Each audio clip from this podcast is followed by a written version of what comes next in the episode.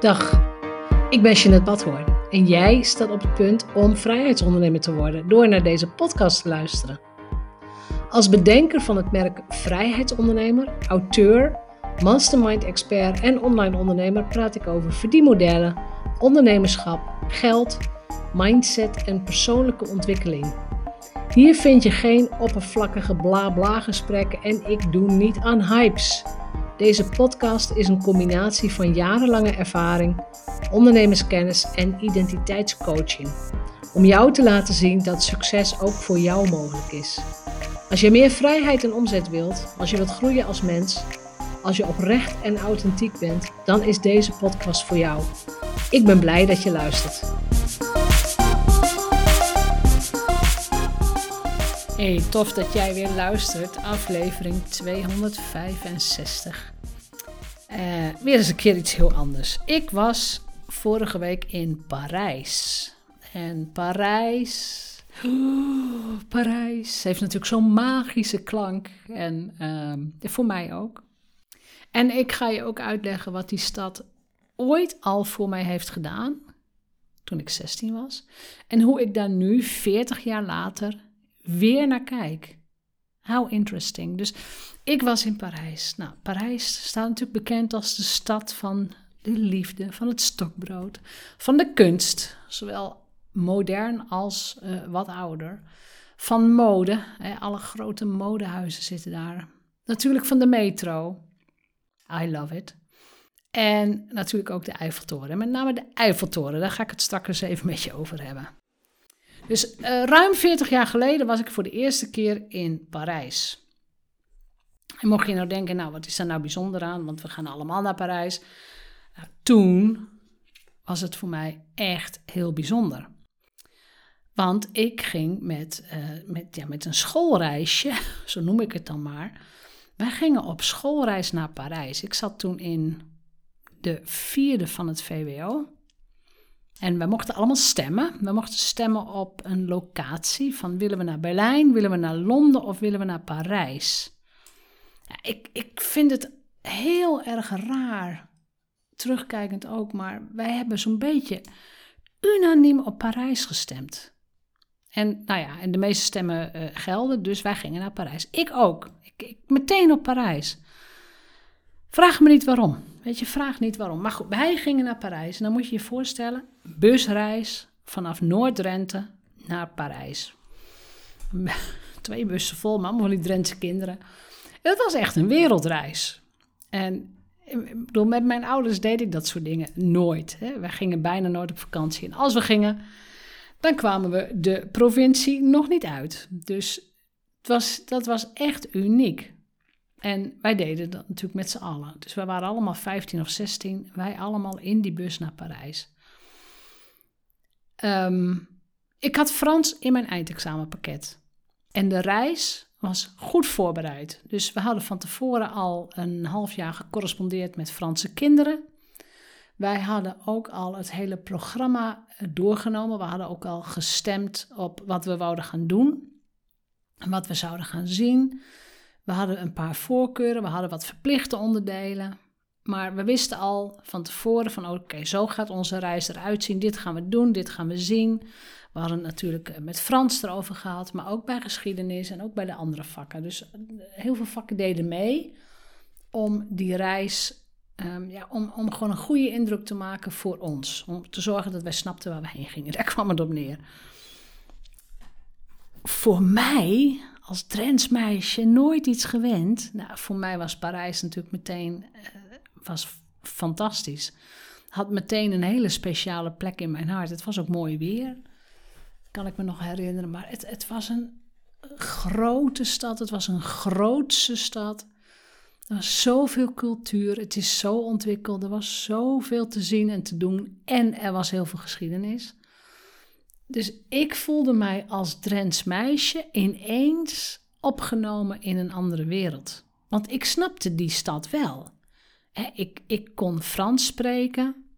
Ik snapte heel snel hoe de metro werkte. En natuurlijk, we werden ook gewoon met de bus naar dingen toegebracht. Maar ik, ik vond het daar meteen, ik vond het fantastisch. En dan kom je dus uit een dorp in Drenthe en dan ben je in zo'n stad en denk je, wat is hier allemaal mogelijk? Dus die stad heeft mij toen al gedwongen om te kijken naar andere lagen in mijzelf. Die stad heeft een andere identiteit in mij aangeboord. Een identiteit die ik niet wist dat ik die had.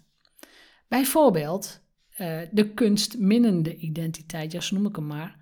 Ehm, in Parijs heb ik ontdekt dat ik ontzettend gek ben op kunst. En dan met name moderne kunst. Met name ook de speelse moderne kunst. En uh, we hebben daar genoeg dingen van gezien ook. Um, maar dingen als het Louvre konden mij veel minder be bekoren. Uh, en nog steeds trouwens. Ik vind oude dingen, ik vind het wel leuk, maar mijn hart slaat over bij moderne, kleurrijke, um, ja, een beetje gekke kunst. Ik hou ervan. Kan ik niet uitleggen. Een andere identiteit die daar aangesproken wordt, was de Frans sprekende globetrotter-identiteit. ik kon me gewoon redden daar. ik, ik heb Frans op school gehad, tot VWO 6. Uh, een waanzinnig leuke Franse juf hadden wij, Anneke. En ik kon me gewoon redden. Ik begreep de borden, ik kon een gesprekje voeren met mensen. Het moest natuurlijk niet allemaal te snel gaan, maar ik kon mij redden. En dat is, nou ja, dat is echt een belevenis. En wat ik ook al zei, die metro. Ik snapte al heel snel hoe zo'n metro werkt. Hè? Dat je even naar het eindpunt moet kijken. Waar gaan we naartoe? Oh, daar gaan we eruit. Ja, het, is natuurlijk geen rocket science, dat weet ik wel. Maar gewoon, in Drenthe heb je geen metro. Dus wij hadden dat gewoon nog nooit gezien, nog nooit beleefd, nog nooit gehad. En ik vond het fantastisch. Dus als iets die stad mij toen al gebracht heeft, is dat ook het grote denken. Het mondaine. Het alles is mogelijk, het grote geld. dat, ook die modehuizen en, en die keurig verzorgde vrouwen. Dat is Parijs. En wat natuurlijk nog opvallender is, die Eiffeltoren. En je, je, jij kunt je Parijs niet meer voorstellen zonder Eiffeltoren. Nou, wij allemaal niet. Dat ding staat er nu ruim 135 jaar of zo, ruim 130 jaar. Um, de mensen die nog weten dat Parijs zonder Eiffeltoren bestond, die zijn er niet meer. Dus wij, nu, collectief, wij weten, de Eiffeltoren hoort bij Parijs. En wat ik zo ontroerend vind, is om te bedenken dat er dus één iemand is geweest die in zijn hoofd die Eiffeltoren heeft laten ontstaan. Van een kale vlakte naar een Eiffeltoren. Bedenk je dat even. Denk je eens even in. Er is een kale vlakte. En jij bedenkt met een team, ik weet het, ik weet het, maar jij bedenkt dat daar die Eiffeltoren komt te staan. En nou ja, vorige week zijn we, zijn we weer omhoog. Ik, ik vind het fantastisch. Ik, ik ben dol op hoogtes. Ik heb het denk ik het tegenovergestelde van hoogtevrees. Ik heb hoog, hoogtevreugde. Uh, dus wij zijn, ehm, wij zijn weer met de lift omhoog gegaan, helemaal naar het topje. En we hebben heerlijk genoten van het uitzicht. En van, het was ook mooi zonnig weer. Van alle kanten opkijken. En uh, ja, van het gebouw zelf. En we zijn voor een heel groot deel met de trap naar beneden gegaan. Om, uh, ja, omdat je dan het bouwwerk gewoon veel beter ziet. Maar stel je voor, er is dus een Parijs geweest zonder de Eiffeltoren. Het is amper voor te stellen. En wat heel leuk was, in de trein heen en terug naar Parijs heb ik het boek, het nieuwe boek van professor Ab Dijksterhuis gelezen, het boek Inspiratie. En hij heeft onderzocht hoe inspiratie tot stand komt, wat het ook is. Dus als je echt gaat nadenken en ook gaat researchen over creatie en over grote geesten en over crazy ideas, dan is de totstandkoming van de Eiffeltoren geen toeval. En ik weet natuurlijk niet wanneer je deze podcast luistert, maar um, er is of er komt ook een interview met Ab Dijksterhuis in deze podcast. Dus zoek die opname ook op. Maar het is geen toeval dat die Eiffeltoren er is gekomen. Want meneer Eiffel, Gustav Eiffel, heeft zijn hele leven kennis verzameld en gestudeerd om dit gebouw te kunnen maken en om te kunnen bedenken. Dus hij, toen hij geboren werd, kwam hij al in een familie terecht waar, um, nou, waar meer creatieve mensen waren. Zijn oom was uitvinder. Hij mocht studeren. En dat is ook in die tijd natuurlijk best bijzonder. Uh, en een van zijn eerste opdrachten was voor de Nationale Spoorwegen. En daar ontstond meteen zijn liefde voor het materiaal staal. Dus hè, bedenk even, hij wordt goed geboren, hij wordt ontzettend gestimuleerd door zijn omgeving, in dit geval een oom. Hij mag studeren en hij komt in aanraking met dat nieuwe materiaal, staal. Dat is nieuw hè jongens, 130 jaar geleden ruim. Het oorspronkelijke idee voor de Eiffeltoren kwam van twee van zijn medewerkers. Dus twee, twee mannen die voor hem werkten in zijn, bij zijn ingenieursbureau. En in eerste instantie vond hij het idee niet heel erg denderend, want het, is voor een wereldtentoonstelling gebouwd. Maar hij heeft het idee toch gekocht. Uh, en is er dus heel erg beroemd mee geworden. Maar hij heeft het idee gekocht en hij heeft voor de wereldtentoonstelling in 1889 ook zelf het financiële risico voor de bouw genomen. Want ik geloof dat, weet ik veel, dat ding heeft iets van 8,5 miljoen frank gekost, gekost om te bouwen. En de Franse overheid had slechts een miljoen Franse frank beschikbaar. Dus hij heeft ook het financiële risico genomen. Maar niets was dus toevallig. Alles in zijn universum was erop gericht dat hij de bouwer zou gaan worden van zo'n vernieuwende toren. Dus de omgeving, de inspiratie, de mensen, de middelen, alles was er, was er klaar voor. Maar het is nog steeds aan hem geweest om die opdracht aan te nemen, het risico te nemen en het ook te gaan doen. En daar zit de crux. Daar zit het. Ik denk namelijk dat wij allemaal wel zo'n Eiffeltoren in ons hebben. iets groots, een project of een idee of iets met potentie. Maakt niet uit hoe oud jij nu bent als je luistert, maar je bent je hele leven al klaargestoomd om dat ene te doen waar alles naartoe wijst.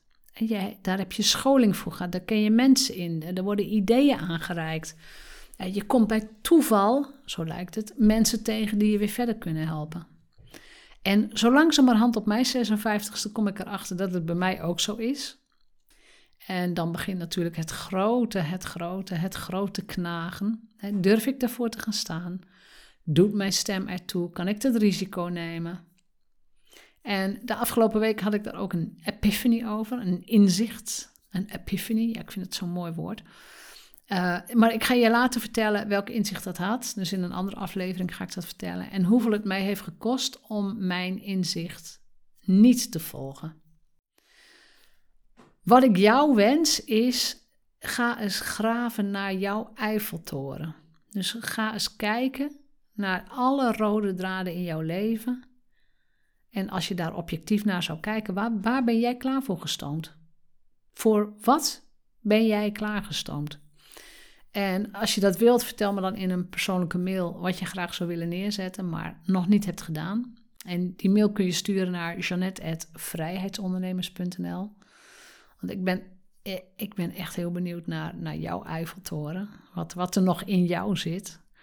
Uh, ik heb een glimp gekregen van wat er nog in mij zit. En het is nu aan mij om, um, om iets met dat idee te gaan doen.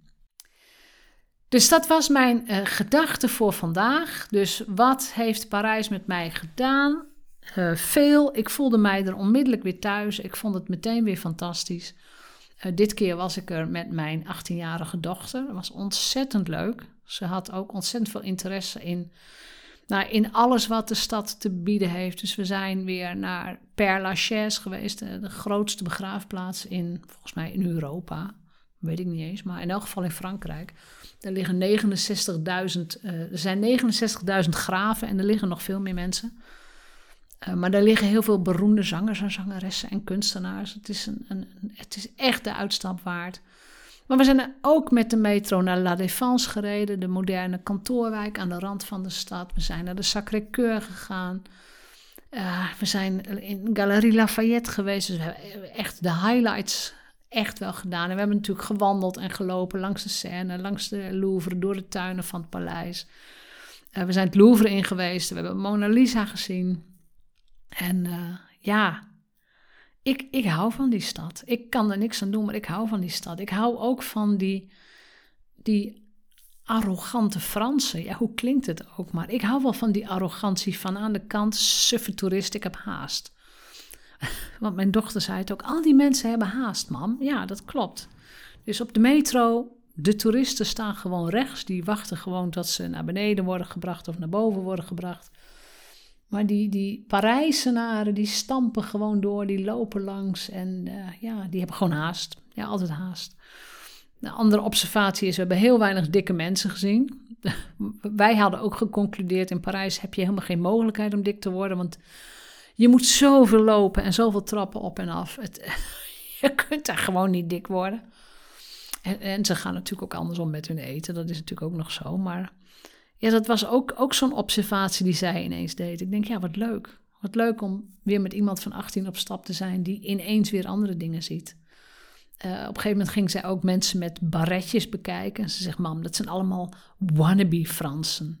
Dat zijn helemaal geen Franse mensen hoor, mam. Dat zijn toeristen die nu ook Frans willen zijn. Ik heb geen idee of het zo is, maar ik vond de observatie heel leuk.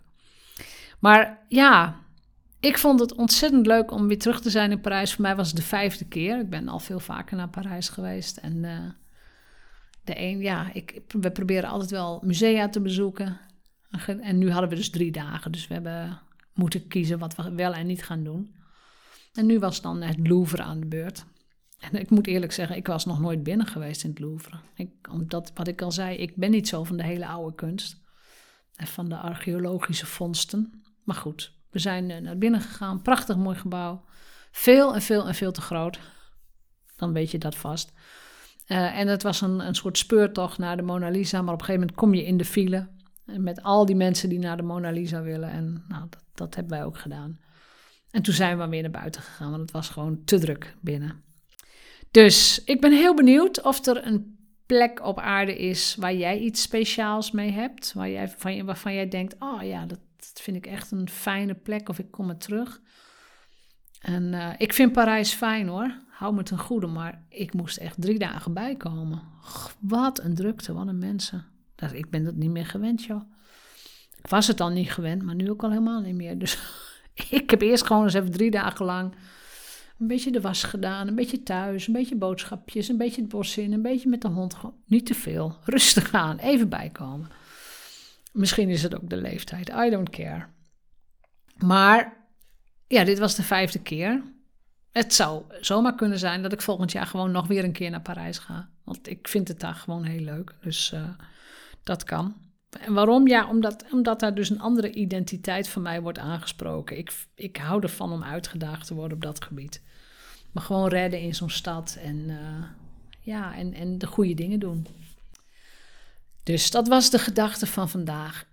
Ik ben heel benieuwd naar jouw identiteitsveranderingen. Zeker als je op andere plekken bent geweest, laat het me weten.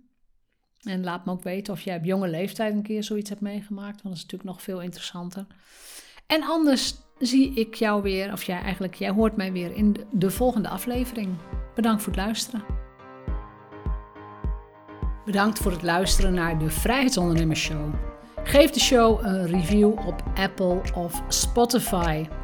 Als vrijheidsondernemer werk je waar, wanneer en met wie jij wilt. En dat gun ik jou ook.